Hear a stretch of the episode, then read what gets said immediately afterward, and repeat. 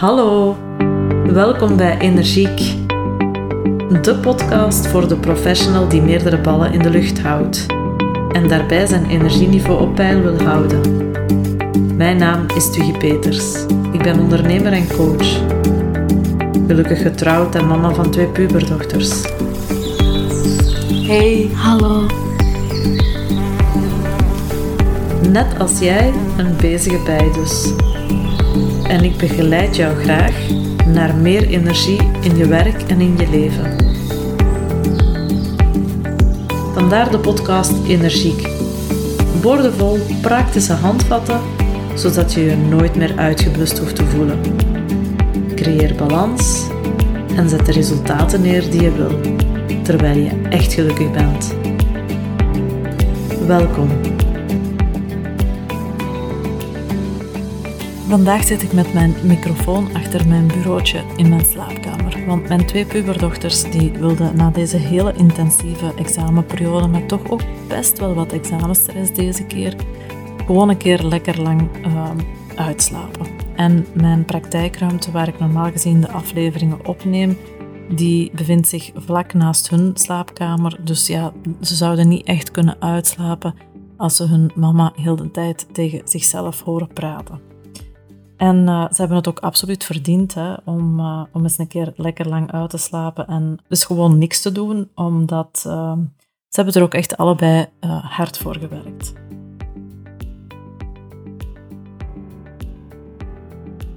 En wat nu zo die gezonde energie-stressbalans is, daar gaan we het in deze aflevering over hebben. En wat jouw belangrijkste bronnen van energie zijn en hoe je deze tijdig kan opladen. En ja, vooral ook hoe je dit alles kan integreren in een dagelijkse levensstijl, zodat je chronische stress en burn-out kan voorkomen. Zodat je op het einde van deze uh, podcastaflevering de sleutels in handen hebt om meer veerkracht te ontwikkelen en energievol in het leven te staan. Misschien neem je graag notitie tijdens het beluisteren van deze podcast of, of heb je de mogelijkheid om notitie te nemen. Dan zou ik jou willen aanraden om de Energy Sheet pagina uh, te downloaden op mijn website. Dat is een one-pager waarin je de verschillende stappen zult terugvinden die ik uh, tijdens deze podcastaflevering ga doorlopen. Dus met andere woorden, je kan uh, terwijl je naar dit verhaal luistert, ook voor jezelf onmiddellijk bekijken van welke batterijen zijn goed gevuld, welke verdienen misschien wel wat meer aandacht, Um, hoe is het met mijn energie-stressbalans? Is die nog gezond of is die eerder uh, ongezond? En wat kan ik ondernemen om die gezonde energie-stressbalans te handhaven in mijn dagelijks leven, hè, zodat ik met meer energie in mijn werk en in mijn leven kan staan? Dus je kan deze uh, one-pager downloaden via mijn website www.energie-coach.be en um, vervolgens vind je hem op de Energy Stuff pagina.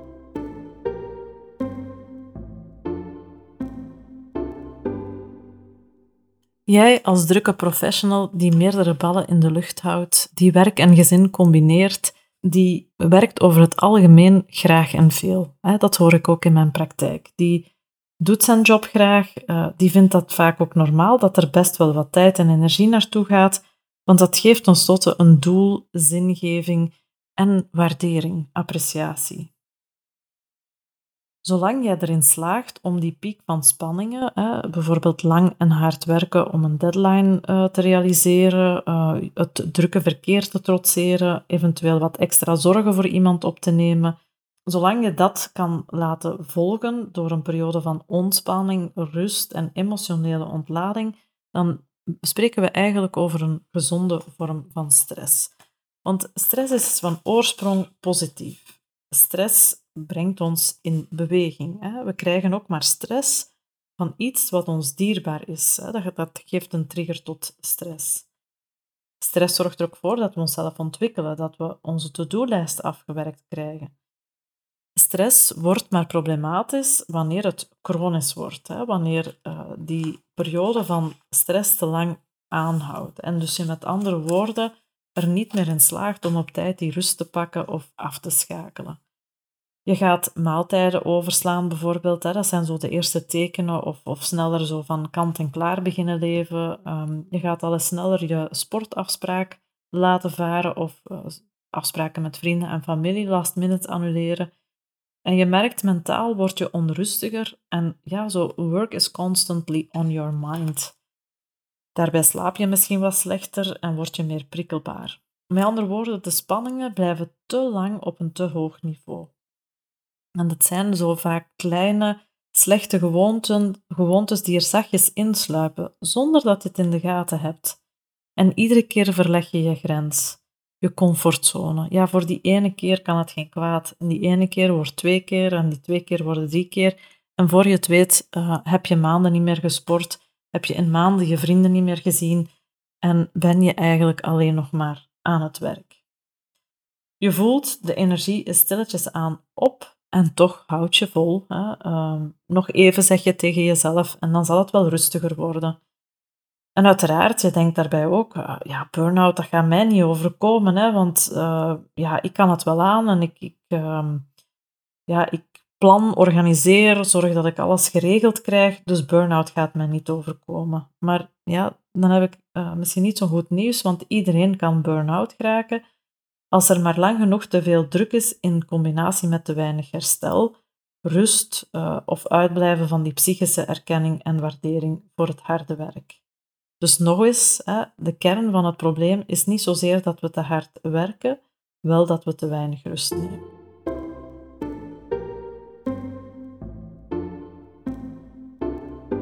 En hoe zit dat bij jou? Ga eens voor jezelf na zo de afgelopen 14 dagen en teken, teken eens de spanningsboog. Omschrijf een keer de pieken. Om wat voor situaties gaat het? Heb je voldoende rust en ontspanning genomen zodanig dat de piek terug naar beneden kon gaan? En um, wanneer je naar die momenten kijkt van spanningen en je, je merkt van oké, ik heb wat inzicht in wanneer ik spanning ervaar en wat mij dan helpt te ontspannen, dat is al een eerste stap naar een meer gebalanceerd leven. Dus als je merkt dat je agenda volloopt of je hebt een belangrijk project dat klaar moet zijn, zorg dan dat je uh, die drukke periode laat volgen door een periode van ontspanning, door te sporten, een boek te lezen, quality time met je familie, wat hè, uiteraard voor jou werkt. Zeg je van, goh, zelfzorg, wat is dat nu precies? Uh, want ik hoor daar inderdaad wel voor, hè, veel over die me-time, wat betekent dat nu concreet? Dan kan ik jou zeker aanraden om de uh, tweede podcastaflevering Zelfzorg, jouw energiewaarborg, uh, een keertje te beluisteren. Want daarin neem ik jou mee in de vier stappen naar meer zelfzorg. Dus het komt erop neer om voor jezelf inzicht te krijgen in ja, wat laat nu mijn batterij op en um, hoe goed is mijn batterij uh, dan uiteindelijk opgeladen en wat kan ik ondernemen om ja, mijn batterijtjes uh, op tijd op te laden. En om daar eens wat meer voeling mee te krijgen van oké, wat, ja, wat, wat laat nu die batterijen op? Um, denk eens voor jezelf na, wat geeft jou energie? En dat kan in het leven, op het werk, in zijn algemeenheid. Um, en misschien heb je tijdens deze coronaperiode wel nieuwe dingen ontdekt die je zegt, goh, dat wist ik zelfs niet, dat dit mij zoveel energie kon geven en dat dit mij zoveel deugd kon doen. En je kan, als je de Energy Sheet hebt gedownload, kan je dat ook uh, daarop invullen. Hè? Wat geeft jou energie in je leven?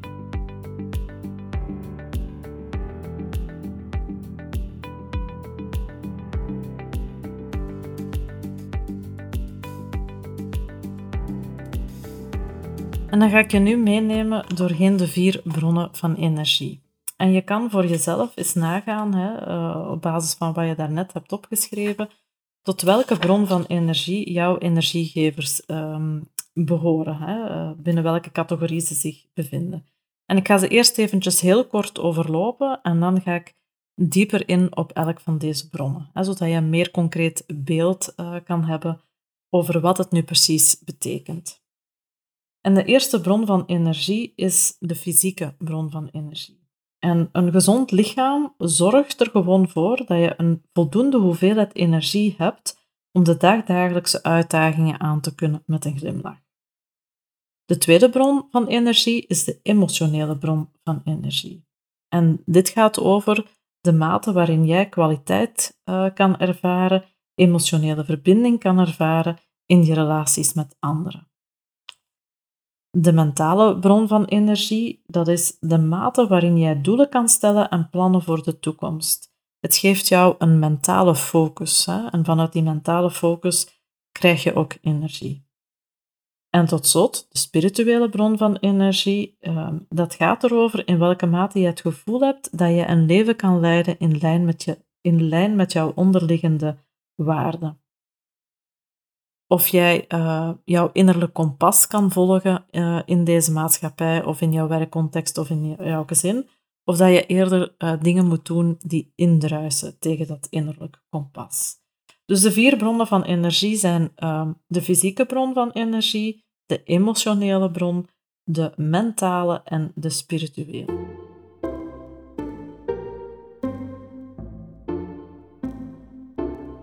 Laat ons nu eens elk van die bronnen van energie uh, van kortbij eens bekijken. Hè? En eens kijken van hoe kan ik die bron of die batterij gevuld houden en wanneer loopt ze precies leeg. En te beginnen met de fysieke energie, want dat is echt de fundamentele bron, of dat is onze benzine. Fysieke energie zorgt ervoor dat we de hoeveelheid capaciteit ter beschikking hebben, of de hoeveelheid energie ter beschikking hebben, om met de dagelijkse beslommeringen om te gaan en ja, die met de glimlach aan te pakken. Dus heeft een belangrijke invloed op hoe we met onze emoties omgaan, hoe lang we geconcentreerd aan de slag kunnen blijven, op onze creativiteit. En ja, het, kan, het helpt ons ook om, als die batterij goed opgeladen is, om in contact te blijven met ons innerlijk kompas. Het is met andere woorden ja, toch wel de energie die je nodig hebt om het ook professioneel vol te houden. En de realiteit van veel werknemers met een bureaujob is dat zij ehm, ja, eigenlijk de afwezigheid van regelmatige fysieke inspanning. En dat zorgt ervoor dat de basisversterking van het fysieke leven dat we nodig hebben om die dagdagelijkse uitdagingen aan te kunnen, dat die gewoonweg niet plaatsvindt. En het resultaat is dat we met het ouder worden, we minder en minder energie beschikbaar hebben om met stresserende situaties om te kunnen. Dus onze veerkracht gaat achteruit. Nu, beweging is één ding en ik wil daarbij heel hard benadrukken dat bewegen belangrijker is dan sporten. En elke beweging is beter dan geen beweging. Um, en als je kijkt naar de beweegnorm, hè, dan, dan zeggen ze eigenlijk dat je elke 45 minuten een lichte beweging uh, best zou doen. Ja, we spreken ook graag van beweeg tussendoortjes. Dus heb jij een uh, bureaujob, dan is het ontzettend belangrijk om voor jezelf een aantal beweegtussendoortjes te installeren. Een beweegtussendoortje, dat is, stel je gaat naar het toilet, hè, dat je op weg naar het toilet, of telkens je naar het toilet gaat, je tien uh, jumping jacks doet, of tien squats, of iets om eventjes de bloedsomloop te laten uh, rondstromen. Elk anderhalf uur, hè, elk, uh, ja, eigenlijk elk anderhalf uur heb je dan eens een wat langere pauze te nemen of een wat langere beweegpauze te nemen en zou je bijvoorbeeld hè, ook eens een wandelingetje kunnen maken of gewoon eens met de fiets uh, naar de bakker gaan. Dus kleine uh, beweegtussendoortjes installeren helpen jou om die beweegnorm te realiseren. Dus je hoeft, en dat is wel het goede nieuws, hè, je hoeft geen atleet te worden om voldoende beweging te hebben op een dag. Je hoeft geen um, ja, zware inspanningen hiervoor te leveren. Net omdat die regelmatige fysieke beweging veel belangrijker is dan dat intensief uh, sporten twee of drie keer in de week. Natuurlijk, het is ook ten eerste aangeraden om ook die nodige cardiotraining te doen. Maar um, ja, wil je het echt integreren in je dagdagelijks leven, kan je uh, best aan de slag met die beweegtussendoortjes.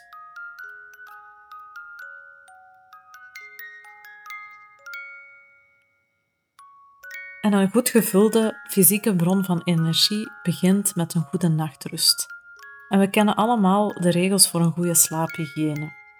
Op tijd gaan slapen, 7 eh, à 8 uur slapen per nacht, geen cafeïne, nicotine of alcohol voor het slapen gaan, best ook geen beeldschermen een uur voor het slapen gaan en toch zondigen we daar heel vaak tegen.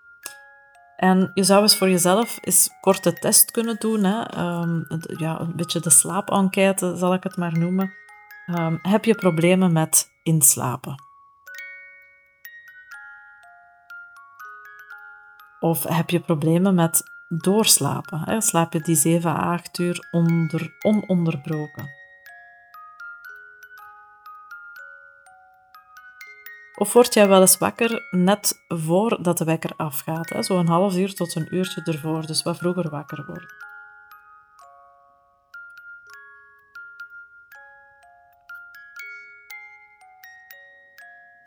Wij Belgen hebben met z'n allen echt wel uh, een beetje een probleem om ja, goed te slapen, net omdat we zo overprikkeld zijn vlak voor het slapen gaan.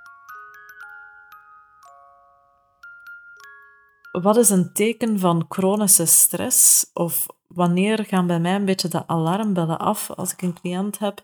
Dat is wanneer dat hij mij vertelt, ik uh, slaap slecht. En um, onderbroken nachten, ik, uh, ik, ja, ik lig lang te piekeren bijvoorbeeld. Het duurt dus enige tijd eer ik in slaap val. Ik, ik word ook regelmatig wakker en ook veel te vroeg wakker. Um, en daarboven heb ik ook, daarboven heb ik ook last van nachtelijk zweten dan ben ik al bijna vrij zeker dat er uh, chronische stress in het spel is, hè, of toxische, ziekmakende stress. Want de reden waarom we slecht slapen heeft vaak te maken met een verhoogd cortisolniveau in ons bloed, hè, dus een te hoog stresshormoon. En wanneer cortisol gedurende de dag uh, hoog uh, aanwezig is en dus ook in het bloed aanwezig blijft, dan heeft onze lever natuurlijk best wel wat moeite s'nachts om dat af te breken. Doe daar dan nog een glas alcohol bovenop en dan wordt het helemaal lastig. Dus het idee van alcohol drinken, dat maakt mij rustiger voor het slapen gaan. Dat is uh, schijnbaar misschien zo, maar in realiteit is dat helemaal niet zo. Hè? Want wat, wat gebeurt er? De lever heeft op dat moment eerst um, ja, het alcohol af te breken, met als gevolg dat het er niet in slaagt om de cortisol af te breken, waardoor de cortisol verhoogd in het bloed blijft. Als dat lange tijd aanblijft, hè, dan neemt dat piekeren ook nog eens toe. En um, ja, de combinatie van dit alles kan er zelfs voor zorgen dat je op een bepaald moment paniekaanvallen krijgt. Dus die slaaphygiëne, ongelooflijk belangrijk. Um, een tweede element is voldoende water drinken en vijf tot zes gezonde lichte maaltijden per dag. Wat we heel vaak doen, is uh, een twee, drietal zware maaltijden nemen en dan nog meestal s'avonds. Of uh, ja, een beetje leven van kant en klaar, hè, omdat we de tijd niet nemen om een gezonde maaltijd op tafel te toveren.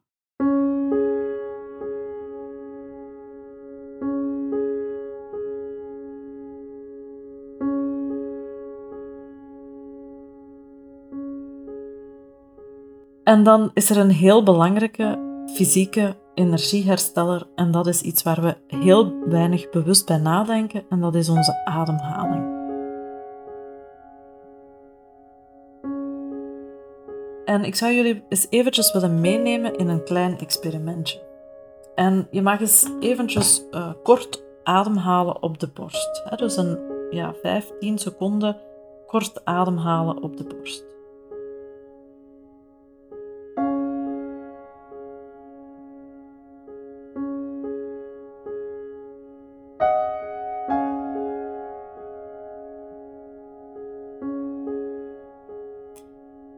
Effect van een korte ademhaling op de borst is dat we ons uh, benauwd beginnen voelen, angstig, uh, zenuwachtig.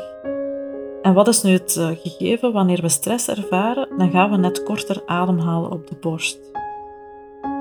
Vervolgens gaat dat kort ademhalen op de borst ons gespannen en angstig gevoel versterken, waardoor we in een, ja, in een soort van vicieuze cirkel terechtkomen. Dus onze ademhaling versterkt met andere woorden op dat ogenblik ons gestresseerd gevoel. Nu, hoe kan je dat doorbreken? Dat is door te gaan naar diepe bewuste ademhaling. En ook hier zou ik eens willen meenemen in een experimentje. Dus nu mag je eens hetzelfde doen, hè? maar dan vanuit een diepe buikademhaling.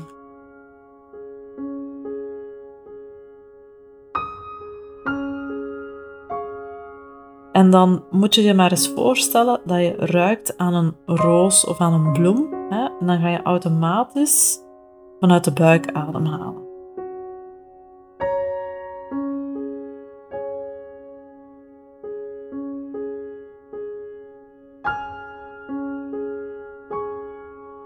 En ontspan daarbij maar je kaken.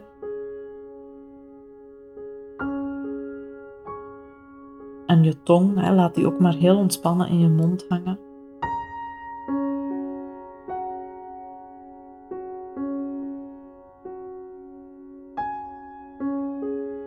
En van hieruit ga je signalen uitzenden via je ademhaling, via je hart naar je hersenen dat het veilig is en dat de stress echt wel mag zakken.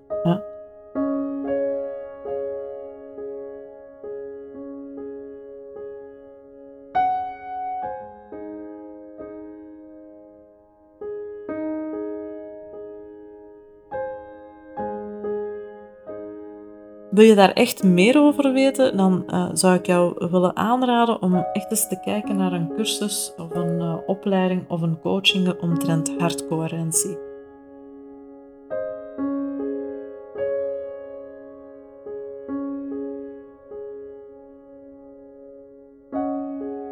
Nu, de fysieke, uh, dus wat, wat, merk je vaak bij mensen die in een, uh, in een burn-out terechtkomen, dat is dat zij iets vertellen als mijn lichaam wou niet meer mee. Mijn lichaam is eigenlijk in shutdown gegaan. Het, het licht ging uit. Waarom is dat? Omdat het lichaam heel wat signalen al gegeven heeft. En als jij blijvend die signalen gaat negeren, dan gaat jouw lichaam het op een bepaald moment overnemen en zeggen: Nu is het genoeg nu trek ik de stekker eruit. En wat zijn zo die signalen? Ja, dat zijn natuurlijk die nek- en schouderklachten. Misschien, als het al wat verder gevorderd is in chronische stress, ook echt angstaanvallen. Je het echt benauwd krijgt op je borst. Uh, hoofdpijn, uh, spierpijnen, uh, maag- en darmklachten. Allemaal signalen dat het vanuit je lichaam dat het tijd wordt om het rustiger aan te doen.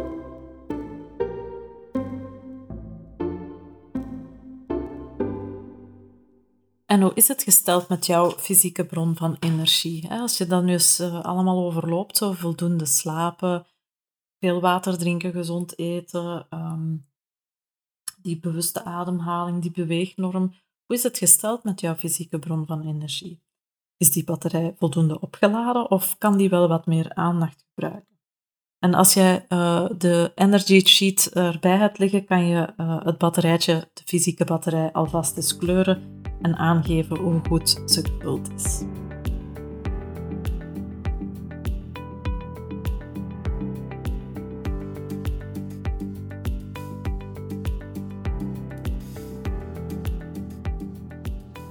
De tweede bron van energie is de emotionele bron van energie. En hier ga ik me een klein beetje moeten inhouden. Um, ik ga ongetwijfeld nog wel eens een volledige aflevering aan deze bron van energie wijden, omdat er zoveel interessant te vertellen is over emoties, wat emoties zijn en ehm, ja, wat ze precies betekenen. Dus uh, ik ga het hier kort moeten houden, uh, beknopt en een beetje de belangrijkste elementen meegeven. Dus om op ons best te zijn, om ja, op ons best prestaties te kunnen leveren, is het belangrijk dat we leuke en positieve emoties kunnen ervaren. Zoals plezier, uitdaging, avontuur, opportuniteiten, een keer goed kunnen lachen. En aan de andere kant, emoties die voortvloeien uit bedreiging, tekort, uh, zoals angst, frustratie, woede, verdriet, die hebben een sterk toxisch effect en uh, worden vergezeld van het vrijkomen van uh, het stresshormoon cortisol, zoals daarnet ook al een stukje aangegeven. Voor elke negatieve gebeurtenis hebben we drie positieve ervaringen nodig om dit terug in evenwicht te brengen. Dus onze emotionele batterij die loopt leeg wanneer we zo continu negatieve emoties ervaren zonder herstel, zonder afwisseling met momenten van plezier. Dus stel dat jij op jouw werk jou heel gefrustreerd voelt ten aanzien van jouw collega's, jouw leidinggevende of ten aanzien van jouw organisatie, en jij zit uh, acht uur per dag toch wel regelmatig in frustratie, dan gaat die chronische negatieve emotie uh, ervoor zorgen dat je dus uh, ja, eigenlijk een hele dag met een verhoogd cortisolgehalte in je bloed zit. En die verhoogde aanwezigheid van die stresshormonen in je bloed, dat is gekoppeld aan een breed spectrum van ziektes, gaande van ja, hoofdpijn tot ja, hartkwalen en zelfs kanker. Dus heel belangrijk is om, als je dat bij jezelf vaststelt, om toch op zoek te gaan naar die momenten van rust en ontspanning, dat je eens eventjes uh, stoom kan afblazen. Wat hebben wij vaak geleerd hè, als het gaat om emoties? Dat is, en zeker als we naar onze professionele context toe gaan, dat is dat we onze emoties moeten onderdrukken. ik weet niet hoe dat, dat voor jullie is, maar ik heb dat zeker uh, ja, voor een groot stuk zo aangeleerd dat wanneer je in een professionele context bent, dat je zeker geen emoties toont, hè, of, of dat je die niet de vrije loop laat. En hoe uitziet dat? Hè? Emoties die uh, onderdrukt worden, of hè, wat zijn voorbeelden van gedrag uh, waarbij je merkt dat emoties onderdrukt worden? Dat is ten eerste oppervlakkige communicatie. Dus het verhaal dat iemand vertelt blijft aan de oppervlakte en gaat veel, veel meer over de dingen buiten de persoon, om maar te vermijden dat er hè, naar diepere lagen um, wordt gezocht of hè, dat we naar diepere lagen zouden kunnen ja, terechtkomen daarin. Een heel uh, bekende is rationaliseren. Hè. Alles wordt rationeel verklaard en geanalyseerd en ratio wordt eigenlijk als masker over het gevoel gezet. Een masker opzetten wordt vaak in een professionele context gezien als sterk en kwetsbaarheid tonen of tonen hoe dat je je ergens bij voelt en dat ook leren benoemen, dat wordt vaak gezien als zwak, terwijl dat, in realiteit helemaal niet zo is. Hè. Nu, wat gebeurt er wanneer emoties onderdrukt worden? Hè? Ik gebruik daarbij graag de beeldspraak van zo de ballon die je onder water probeert te houden. Hoe verder je hem onderdrukt, hoe groter, hoe groter de kracht in de ballon wordt om weer naar omhoog te komen. Dus op een bepaald moment ja, gaat het onderdrukken niet meer werken en schiet die ballon uh, omhoog. En ja, de emotie gaat er dan uitkomen als een soort van ongecontroleerd uh, beest of een, um, een ongecontroleerde reactie. Ja, juist datgene waar je bang voor was dat zou gebeuren, hè? want uh, je wou die emotie niet tonen. Een emotie die uh, wilt gevoeld worden. En een emotie is een bewust signaal. Nu, dat signaal of die, die boodschap die een emotie bij heeft onderdrukken, gaat er alleen maar toe leiden dat ze groter wordt. Hè? En dus tot op een bepaald moment ja, de bom uh, barst. Dus veel beter dan onderdrukken is luisteren naar de behoefte of uh, het signaal dat erachter zit. Hè? Welke boodschap heeft de emotie bij? En in coachinggesprekken, um, ja, als ik dan zoiets zeg van ja, je hebt te luisteren naar de boodschap van de emotie, dan zie je cliënten wel eens raar kijken, zo van ja, wat bedoelt ze daar nu precies mee? Maar een emotie die niet gevoeld wordt, wordt ook heel vaak vastgezet in het lichaam en gaat zich dus uiten in een lichamelijke klacht. En wanneer iemand bijvoorbeeld uh, vertelt over ik heb echt een druk op mijn borst, dan ga ik vragen van ga eens naar die druk op je borst. Voel eens hoe dat voelt.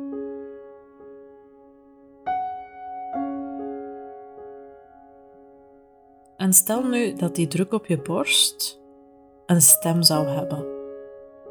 Wat zou die, wat zou die stem jou vertellen? Welke boodschap heeft ze bij? Of die hoofdpijn of die eh, nek- en schouderklachten?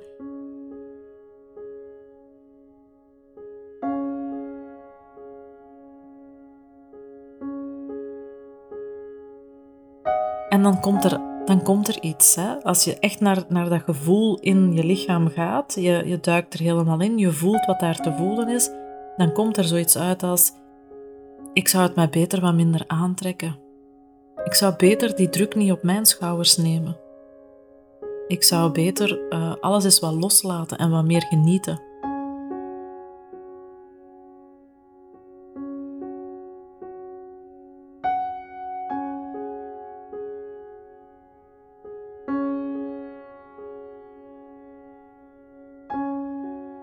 Dus wil je effectief omgaan met je emoties en op een professionele manier omgaan met je emoties, neem ze dan serieus en luister naar de boodschap. Want emoties zijn tekenen van een onvervuld behoefte. En we zijn toch continu bezig met het zoeken naar het vervullen van die behoefte. En emoties doen niks anders dan ons attent maken op die behoefte. Dus in plaats van onderdrukken, luister naar de boodschap.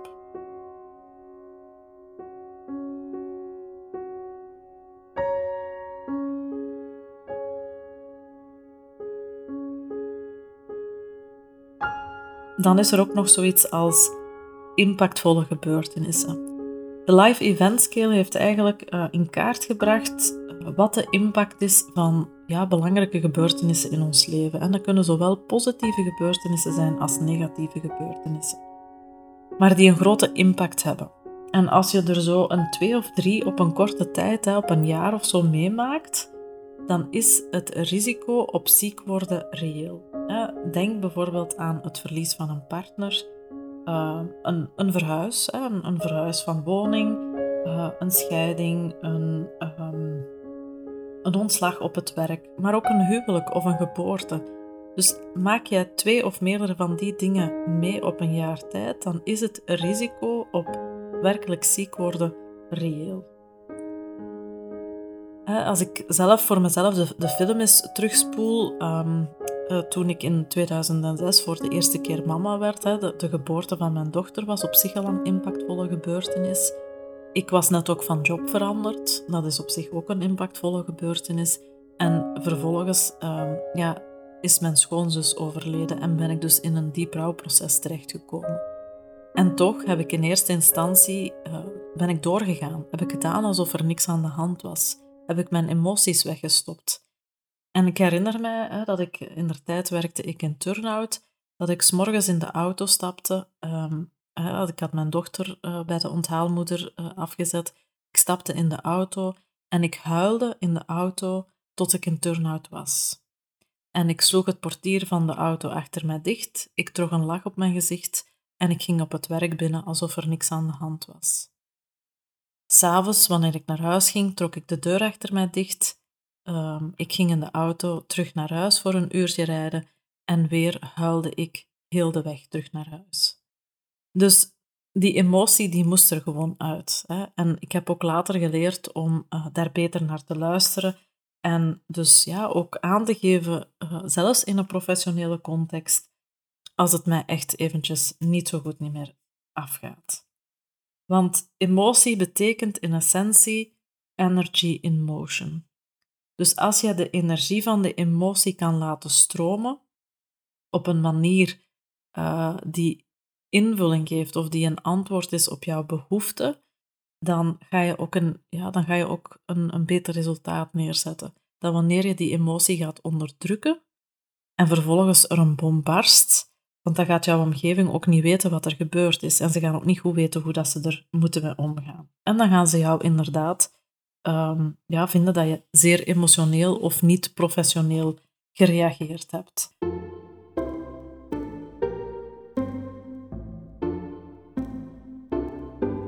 Dus kijk ook eens voor uh, deze emotionele batterij. En, en uh, dus kijk ook maar eens hoe goed dat die gevuld is. Hè. Uh, kan jij voldoende positieve eh, emoties ervaren? heb jij voldoende momenten van ja, doing things just for fun, zodat jij je goed kan voelen in je vel? Of um, loopt die batterij toch wel wat vaker leeg omwille van het feit dat je misschien met een groot verdriet zit, of nu met corona, hè, dat je toch wel met angst en onzekerheid zit? Ga voor jezelf maar eens eventjes na, hoe goed is deze batterij gevuld op vandaag?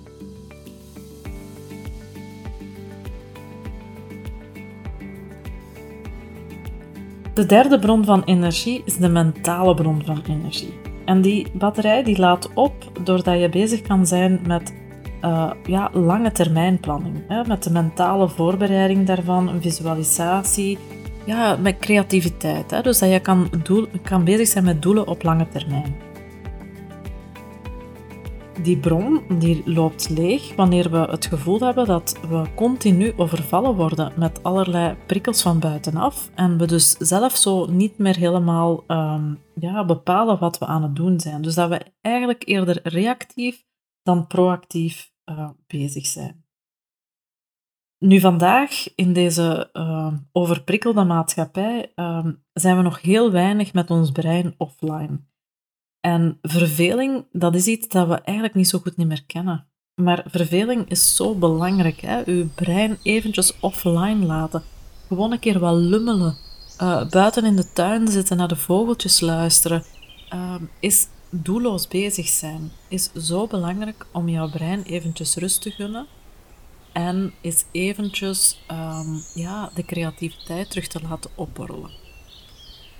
Maar ons brein, hè, dat is ook een beetje uh, eigen aan hoe we functioneren, heeft de neiging om op elk van de binnenkomende prikkels te reageren. Dus als jij naar deze podcast zit te luisteren, bijvoorbeeld, en tegelijkertijd ook nog op jouw gsm WhatsApp-berichtjes ligt te beantwoorden, en je denkt dat je hè, aan het multitasken bent, dan ben je op dat moment iedere keer opnieuw um, jouw mentale batterij een beetje leger aan het maken. Want daar, daar waarvan je denkt, oké, multitasken, dat geeft mij een goed gevoel. Hè? Dat, dat zorgt ervoor dat ik heel wat dingen afgestreept krijg op mijn to-do-list. Zorgt het voor een enorm productiviteitsverlies. En op lange termijn krijg je het gevoel van alles maar een beetje oppervlakkig te doen en niet echt met volle aandacht aanwezig te zijn.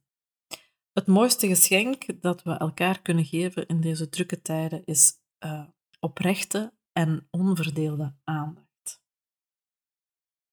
De mentale batterij. Dus uh, die wordt gevuld door bezig te kunnen zijn met lange termijn doelen en die loopt leeg wanneer we eerder reactief uh, aan de slag zijn. Nu, een belangrijke um, lek van deze bron van energie is uitstelgedrag.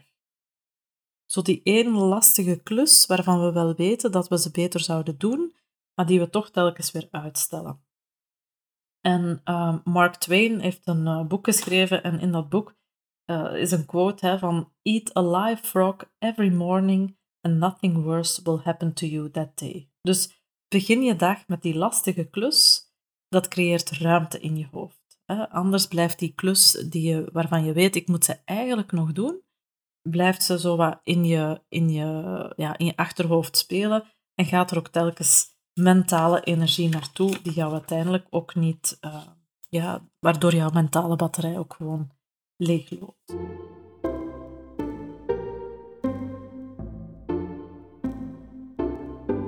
Dus ook hier, kijk eens voor jezelf. Hè. In welke mate heb jij de opportuniteit om echt te plannen, te organiseren voor lange termijn, voor doelen die belangrijk zijn voor jou, waar jij energie en zingeving uit haalt?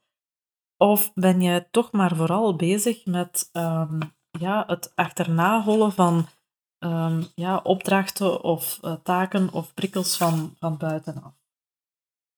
En kijk ook eens voor jezelf zo van naar je agenda. Hè? Um, heb je af en toe tijd om achterover te leunen, om eens wat reflectietijd uh, in te bouwen? En ben je elke dag bewust bezig met tijd en uh, ruimte in te plannen voor jouw persoonlijke en professionele doelstellingen? Of pas jij je telkens weer aan voor wat anderen willen? Ga je elke dag bewust een beetje me-time inplannen?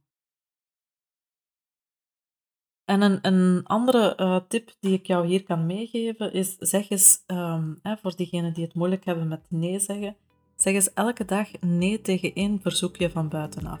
Eentje maar. Hè? En kijk eens wat je met die vrijgekomen tijd en die vrijgekomen ruimte kan doen voor jezelf om jouw eigen batterij op te laden.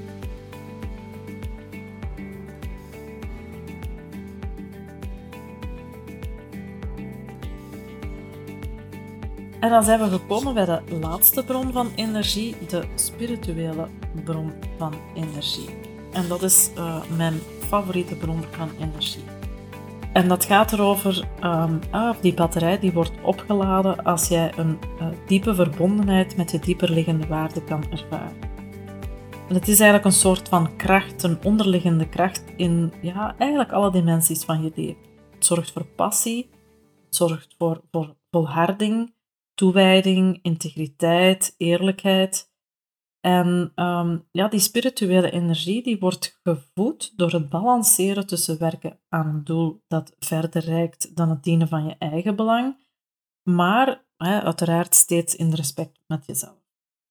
En die batterij loopt leeg door de vele impulsen van de buitenwereld en de druk van onze omgeving, waardoor we soms wel eens de essentie verliezen en vergeten wie ben ik zelf? Waarom doe ik dit eigenlijk? En hoe draagt dit bij tot het grotere geheel, het geheel wat voor mij belangrijk is? Nu, waarom is het zo belangrijk om bewust te worden van wat jouw innerlijk kompas is? Door echt contact te maken met die dieper liggende waarden en dat innerlijk kompas, leer je de externe wereld te, ja, te handhaven vanuit dat innerlijk kompas. Je gaat zo'n intern uh, referentiekader ontwikkelen aan de hand waarvan je al die prikkels, die externe flow van allerlei impulsen, gaat leren um, ja, structureren, evalueren in is dit nu belangrijk voor mij? Wil ik hier nu tijd en energie aan spenderen of niet? Maak je hier geen werk van? Uh, lever je geen, um, of, of ben je niet bewust bezig met die spirituele energie? Dan loop je het risico om al die prikkels maar op te nemen, te verwerken, te doen, zonder ooit eens de vraag te stellen: wat levert mij dit op? Wil ik dit wel echt? Met als uh, eindresultaat misschien wel een burn-out. Nu, wat zie je vaak bij mensen die in burn-out zitten, dat is dat zij elke voeling met dat innerlijk kompas kwijt zijn. Hè?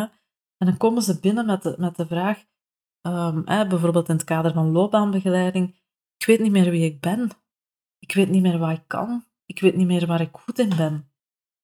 En dus heb je in eerste instantie met hen aan de slag te gaan rond het ontwikkelen van wat is nu belangrijk voor mij? Wat is nu mijn innerlijk kompas? Aan de hand van welke criteria ga ik evalueren of iets goed is voor mij of misschien helemaal niet zo dienend is voor mij? Daar gaat het bij die spirituele energie om. En het is vaak zo dat we ons maar bewust worden van die spirituele energie of van wat belangrijk is in ons leven na het ervaren van een trauma of een impactvolle uh, gebeurtenis. Hè. Waarom? Omdat op dat moment worden we gedwongen om stil te staan en na te denken bij wat is nu belangrijk voor mij? En corona is misschien zo wel een, eh, een, een moment geweest van, ja, van letterlijk en figuurlijk wakker uh, worden. Hè? Bewust stilstaan bij ja, zo'n druk ingepland weekend vol sociale evenementen. Wil ik dat eigenlijk wel? Voor wie doe ik dat?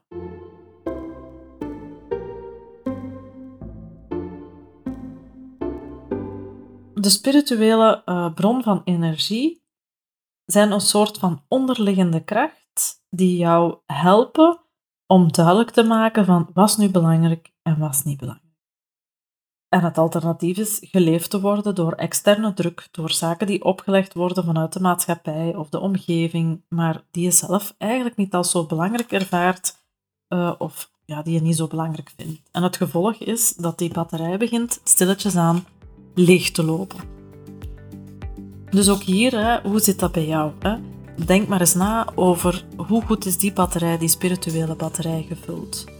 Ben jij je bewust van jouw normen en waarden? Ben jij je bewust van wat belangrijk is?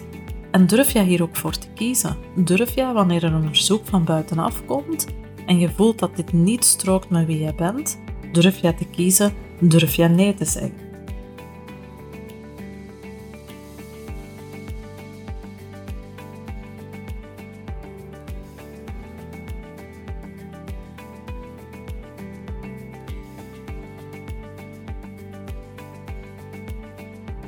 En kijk nu maar eens naar jouw vier bronnen van energie, jouw vier batterijen. Hoe goed zijn ze?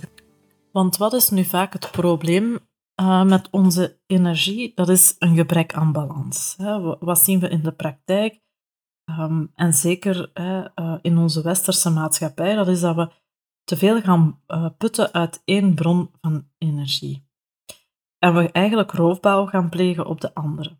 Bijvoorbeeld hè, roofbouw op ons lichaam door slechte voeding, te veel alcohol, te weinig beweging.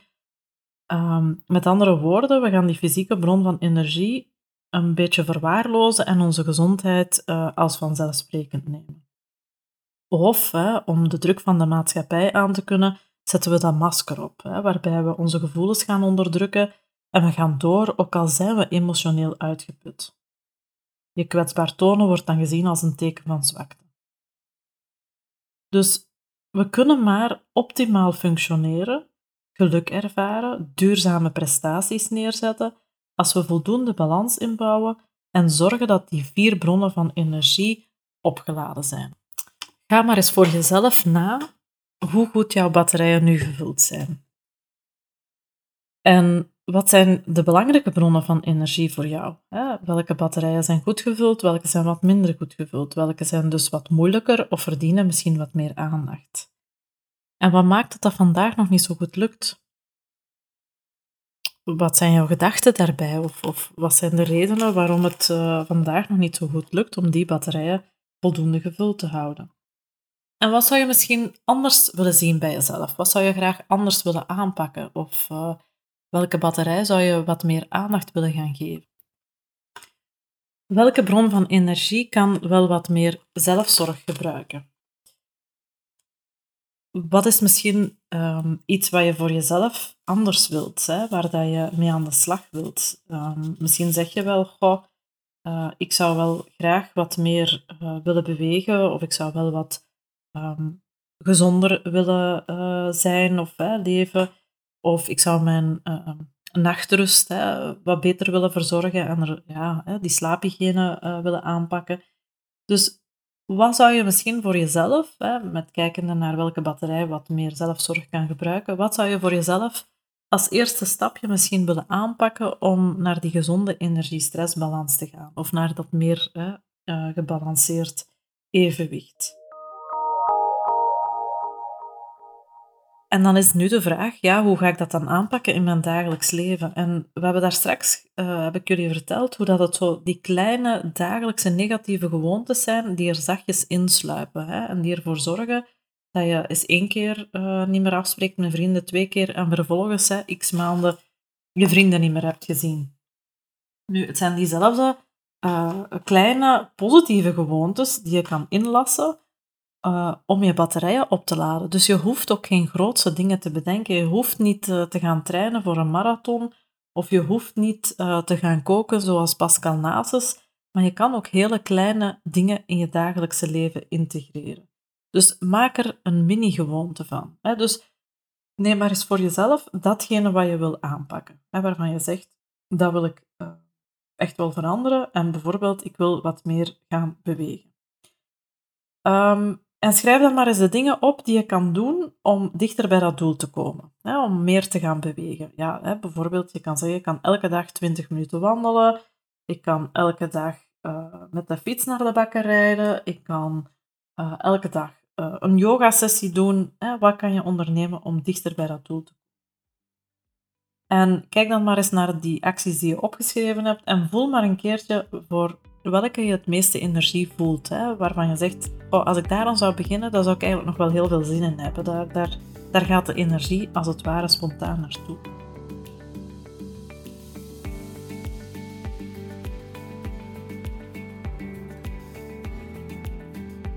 En pak dan die gewoonte vast, hè, of, of die actie, en maak het nog kleiner. Onderzoek eens hoe dat je die nieuwe gewoonte nog kleiner kunt maken. Bijvoorbeeld stel dat je zegt, ik voel wel het meeste om elke dag een half uurtje yoga te doen. Ja? Um, maak het dan nog kleiner en koppel het aan een dagelijkse routine. En waarom, waarom is dat zo belangrijk om het te koppelen aan een dagelijkse routine? Dan is de kans heel reëel dat je het ook gaat volhouden, dat je het ook elke dag gaat doen. Dus in plaats van te zeggen, ik ga elke dag um, yoga doen van een half uur, dan kan je bijvoorbeeld zeggen van, ik doe elke dag onmiddellijk na het opstaan één zonnegroet. Hè. Een zonnegroet is een, uh, een yoga flow hè, die je kan doen. Dus door het te koppelen aan mijn ritueel van ja, gewoon elke dag op te staan, hè, moet ik toch doen, is de kans ook reëel, net omdat je het zo klein maakt, dat je het ook elke dag gaat doen. En wanneer je dit dan doet, hou dit dan ook 90 dagen vol. Hè? En op die manier wordt het een nieuwe gewoonte. En heel belangrijk, Juich jezelf toe. Geef jezelf applaus. Geef jezelf waardering, erkenning, uh, zodat je ook weer die positieve emotie kan ervaren. En dus dat de kans ook groter wordt dat je het gedrag gaat herhalen. En op deze manier kan je eigenlijk elke bron van energie trainen zoals je je spieren traint. Hè? Door dagelijkse rituelen te installeren die zorgen voor die fysieke, mentale, emotionele en spirituele workout. Op die manier word je elke dag beetje bij beetje sterker en ontwikkel je meer veel. En het vraagt misschien in het begin uh, discipline, uh, een schema, een planning, een afspraak met jezelf om die spieren te beginnen trainen en je bronnen van energie te vullen. Net zolang tot het ingebakken gedrag is en dus onderdeel geworden is van je dagelijkse routines. Hè? Net zoals tandenpoetsen een onderdeel is van je dagelijkse routine. Maar hè, misschien kom je op een bepaald moment toch eens uh, op een, in een dipje uh, terecht. Dus maak eens connectie met het antwoord op de vraag: wie wil je zijn? Welke energie wil jij blijven delen? En door daar connectie mee te maken, kan je een kracht en een hulpbron installeren om uh, er toch mee aan de slag te blijven. Wil jij die uitgebluste mama of papa zijn met een kort lontje? Of die mama of die papa die toch nog tijd heeft om naar de verhalen te luisteren van de kinderen of nog een spelletje te spelen?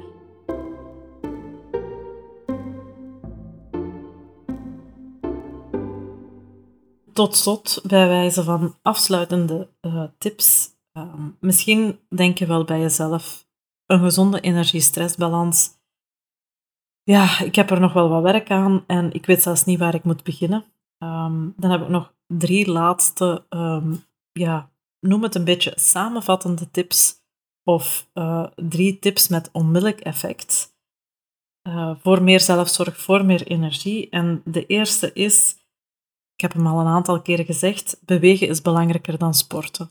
Dus je hoeft echt geen atleet te worden om meer energievol uh, door de dag te gaan. Dus denk eens na over hoe je gewoon in het dagdagelijks leven al wat meer kan bewegen. Zeg eens wat vaker nee tegen een verzoek van buitenaf en ja tegen jezelf.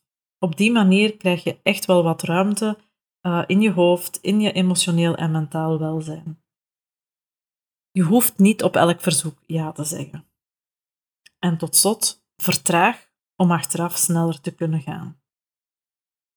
Door met aandacht aanwezig te zijn, door met vertraging aanwezig te zijn, gaat je brein creatiever zijn, ga je je batterij opladen en ga je um, nog meer effectief en productief zijn. Dus in plaats van door te gaan, vertraag eens op tijd en stond. Hè? Neem op tijd eens rust. Waar ik uh, in het begin uh, van deze podcast al een paar keer op gehamerd heb. En dan zijn we aan het einde gekomen uh, van deze aflevering. En ik ben enorm benieuwd om van jullie te horen over welke bron van energie je graag wat meer zou willen leren. Uh, waar dat je wel eens een podcast-aflevering uh, over wilt beluisteren. Hè? Dus laat het mij weten. Je kan mij altijd een mailtje sturen, twiggy.energy-coach.be of via de social media, de Instagram-pagina of de Facebook-pagina, een persoonlijk bericht. En dan ga ik nu um, in de praktijk zetten waar ik uh, ja, uh, dit uurtje over gesproken heb. Met name, ik heb zelf best wel wat stress gehad om deze aflevering op te nemen. Het is allemaal nieuw voor mij, podcasten. En um, het is nog, niet, nog geen vanzelfsprekendheid. Dus het heeft mij best wel weer wat energie gekost. Ik ben dan ook heel blij dat ik zo dadelijk met mijn buurvrouwen, uh, tevens ondernemende vrouwen, uh, een fikse wandeling kan maken en zowel mijn fysieke als mijn emotionele en mentale batterij een boost kan geven. Ik wens jullie uh, ook nog een prettige dag verder en tot de volgende keer. Dag. Bedankt voor het luisteren naar Energiek. Ik ben Twiggy en ik wil dat jij als drukke professional je energieniveau op peil houdt. Haal je energie en bruikbare tips uit deze podcast en wil je dat anderen hier kunnen van meegenieten? Deel deze podcast met jouw vrienden, familie, collega's of geef deze podcast een review. Dat zou ik heel fijn vinden. Ik wens je nog een energievolle dag en tot de volgende aflevering.